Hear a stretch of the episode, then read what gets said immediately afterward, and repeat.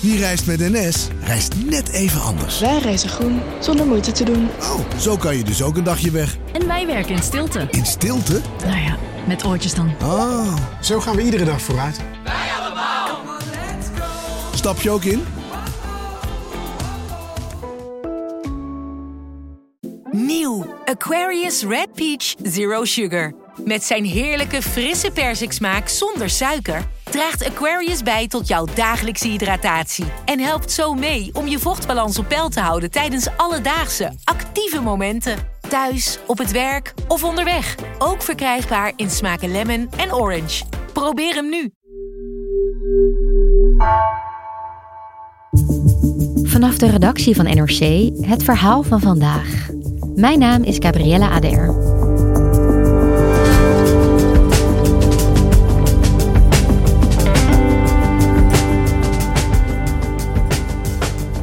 Miljardairs als Jeff Bezos en Steven Spielberg laten hun luxe superjachten het liefst in Nederland bouwen.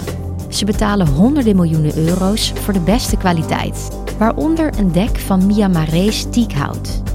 Officieel is het onmogelijk om dat hout legaal naar Nederland te krijgen, vertelt onderzoeksjournalist Carlijn Kuipers. Hoe kan het dat dit teakhout dan toch op de jachtschepen terechtkomt?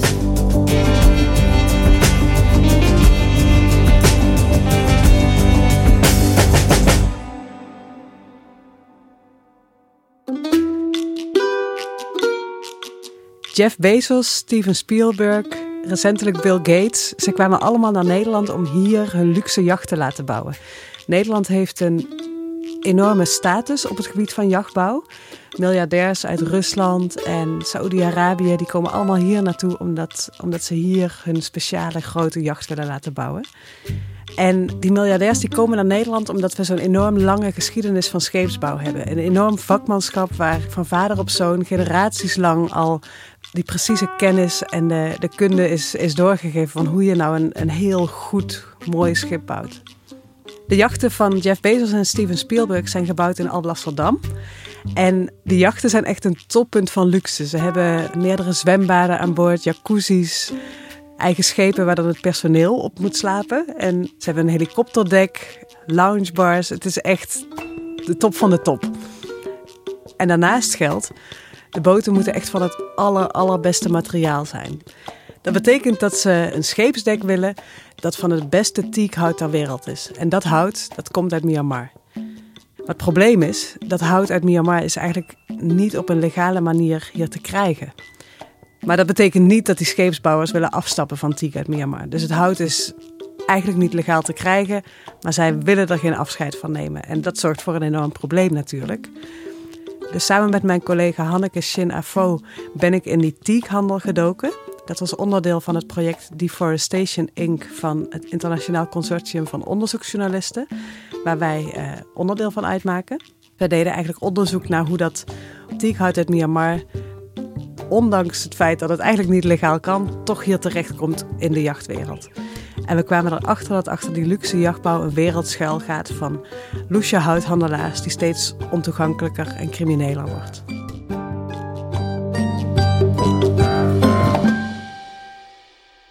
Ja, dan ben ik gewoon heel benieuwd. Wat is er nou zo speciaal aan dat teakhout uit Myanmar? Ja, het hout van de Tectona grandis, dat is de Latijnse naam voor teak, wordt ook heel de Rolls-Royce onder de houtsoorten genoemd. En we hebben gesproken met iemand die werkt in de wereld van de jachtbouw, Rodney. En we hebben hem gevraagd wat het hout nou zo bijzonder maakt. Nou, teak is heel geschikt aan boord van schepen, van jachten, vooral zeevarend. En als je er naar kijkt, heeft het bepaalde looks die ook passen bij vrijheid, bij, eh, ja, bij, bij vrije tijd, bij recreatie. Maar nog belangrijker is eigenlijk ja, het, technische en het functionele gedeelte. Teak is van nature rijk aan olie. In Myanmar zit heel veel silica in de bodem. Dat is een mineraal waardoor het hout heel erg olieachtig wordt. En daardoor rot en schimmelt het niet. En dat is natuurlijk heel fijn op een schip waar het echt uh, bloot staat aan alle soorten weer en regen. Het is een heel sterk uh, materiaal en het heeft een hele fijne gesloten structuur en dichtheid. Dit zorgt er eigenlijk voor dat het dus heel uh, waterbestendig is. Het hout is stroef, zodat je niet uitglijdt als je met, uh, met natte voeten over het dek loopt. En het wordt niet zo heet. Dus ook als je in, met, je met je jacht in de tropen ligt, dan kan je nog steeds over het dek lopen zonder je voeten te verbranden. Het kan heel goed bewegen, flexibel blijven zonder dat het echt gaat barsten of vervormt. Nu is er ook wel teak in plantages, maar die stammen die worden niet zo lang.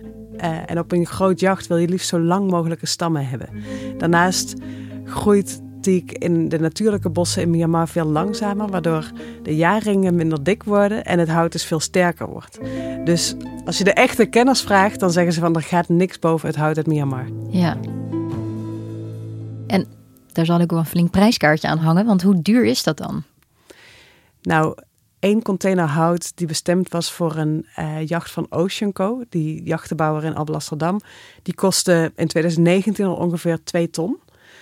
Ik weet eigenlijk niet hoeveel containers je nodig hebt, maar wat we wel weten is dat uh, voor zo'n groot jacht, dat een scheepsbouwer eigenlijk meerdere leveranciers nodig heeft. Omdat er geen enkele leverancier is die zoveel hout kan leveren of zoveel op voorraad heeft. Dus ze moeten echt de hele markt af om te kijken wie heeft er nog een beetje, wie kan nog wat, wat kopen.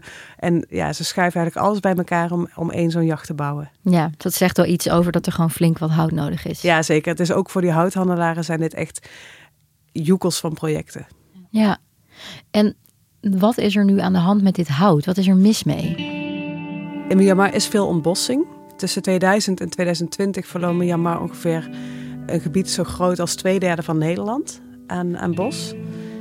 Daarnaast blijkt dat de kwaliteit van het bos ook slechter wordt in gebieden waar teak wordt gewonnen. Uh, dus de biodiversiteit wordt heel erg aangetast. En Myanmar kan best wel met hevige corruptie, waardoor er meer gekapt wordt dan eigenlijk is toegestaan. En een groot probleem is dat de opbrengsten van de teakverkoop naar de Myanmarese staat en naar het Myanmarese leger gaat. En dat leger heeft zich de afgelopen jaren schuldig gemaakt aan ernstige mensenrechten schendingen. Ze worden verantwoordelijk gehouden voor de massamoord op de Rohingya. En, dat is die islamitische bevolkingsgroep, toch? Precies, precies. En zo zijn er eigenlijk nog meerdere minderheidsgroepen die echt worden aangevallen en, en uitgemoord door het leger. En in 2021 is er een coup gepleegd in Myanmar, waarbij het leger de democratisch gekozen regering heeft afgezet en de leiders van die democratische partij gevangen hebben gezet. In Myanmar heeft het leger de macht gegrepen en regeringsleider Aung San Suu Kyi gearresteerd.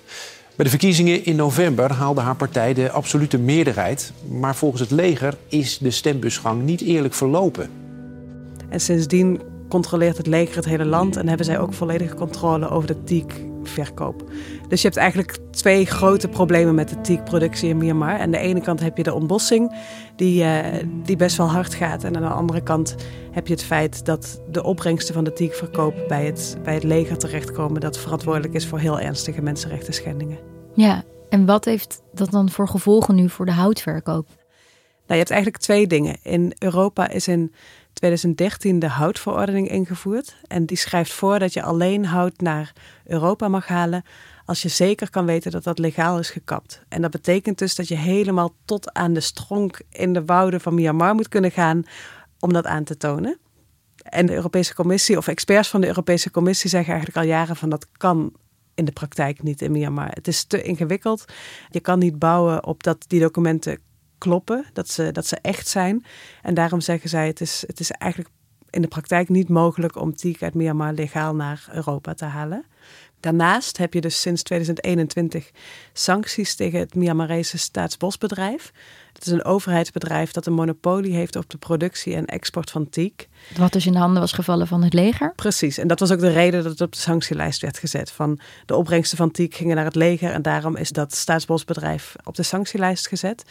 En dat betekent dat je niet meer direct of indirect dingen mag kopen van dat staatsbosbedrijf. Maar intussen, ondanks het feit dat deze uh, sancties en deze houtverordening dan um, zijn ingesteld, zien we nog steeds dat de rijken onder ons mooie luxe jachtschepen met tiekhout laten maken. Ja. Onder andere in Alblasserdam. Hoe kan dat? Nou, wat we zien is dat houthandelaren eigenlijk verschillende omwegen hebben gezocht om die, uh, die wetgeving en die sancties heen te komen. Dus mijn collega Hanneke en ik hebben bijvoorbeeld WhatsApp-berichten gezien van een Indiase handelaar. Die zei: Ik heb teak uit Myanmar en ik kan ervoor zorgen dat we het gewoon als teak uit Cameroen in de boeken zetten. En ik kan alle papieren leveren en dan komt het zo door de douane heen in de VS of in Europa. Maar er zijn ook omwegen via Europa. Dus bijvoorbeeld Italië is veel soepeler in het handhaven van de Europese houtverordening. En je ziet dat heel veel partijen teak uit Myanmar via Italië uh, Europa binnenkomen.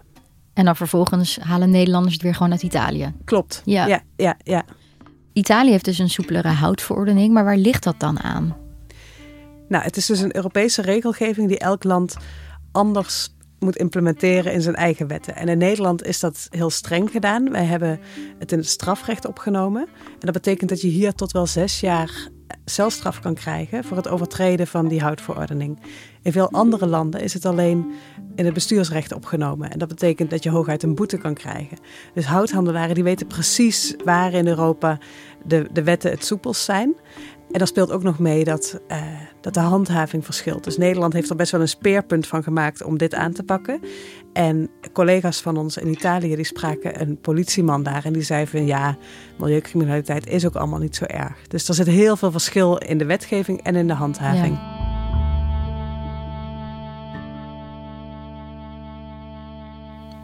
Maar goed, kijk, wij zijn natuurlijk ook allemaal niet gek. Het is duidelijk dat hier uh, die jachtschepen gebouwd worden met toch tiekhout. Of dat nou via India of via Italië komt.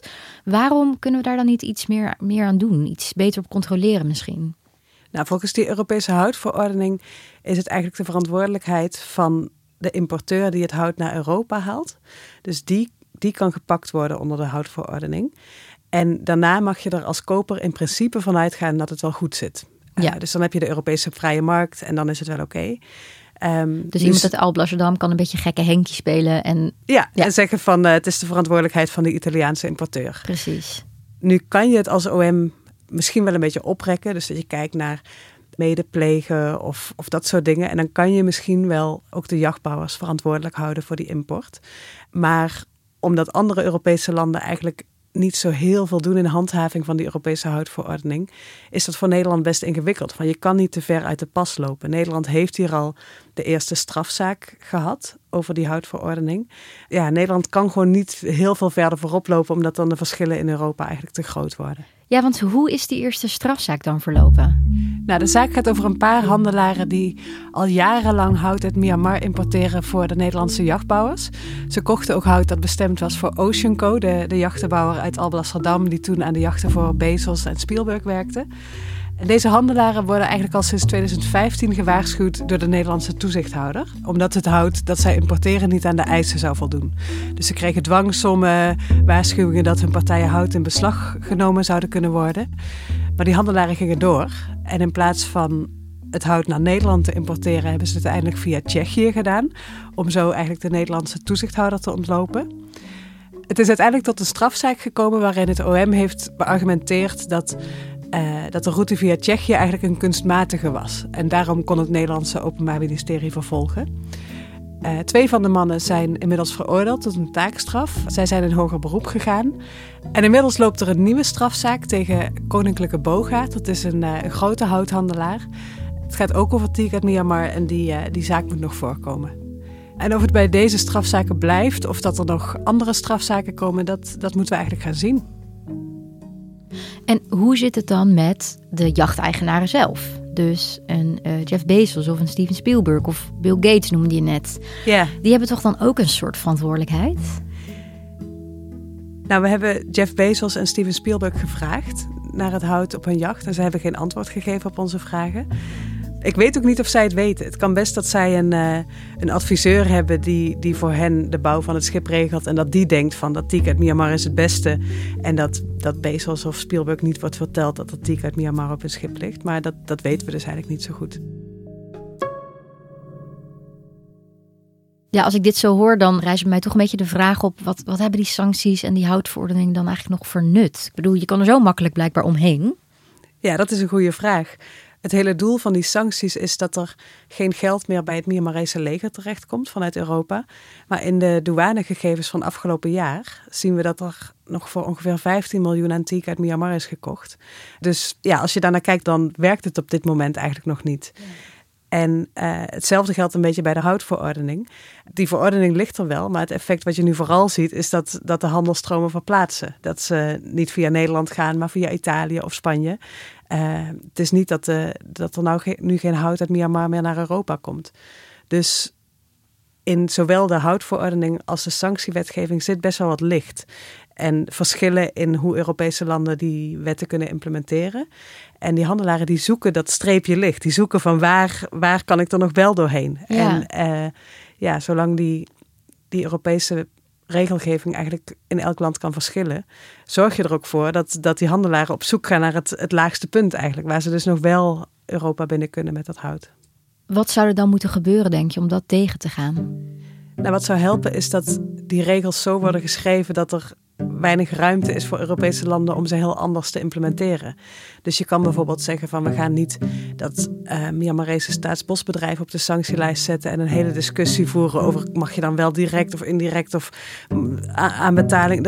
Je kan allemaal ingewikkelde discussies gaan voeren. Als je gewoon zegt uh, we zetten alle teak uit Myanmar op de sanctielijst. Dan, dan heb je al die ingewikkelde discussies niet en is er gewoon een, een duidelijker verbod. En hetzelfde geldt voor de Europese houtverordening. Daar kan je ook de regels preciezer formuleren zodat er minder verschillen binnen Europa ontstaan.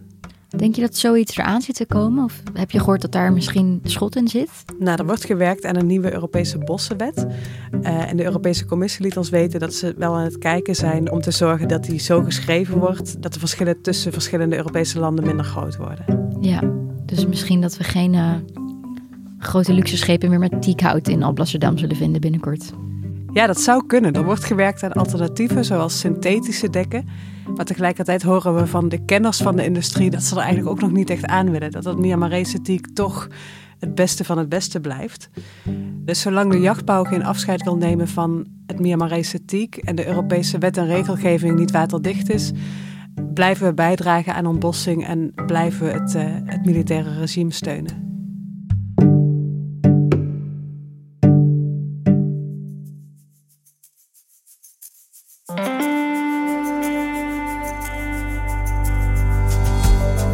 Je luisterde naar vandaag, een podcast van NRC. Eén verhaal, elke dag. Deze aflevering werd gemaakt door Mila Marie Bleeksma en Bas van Win. Coördinatie door Henk Ruigrok van de Werven. Dit was vandaag, morgen weer.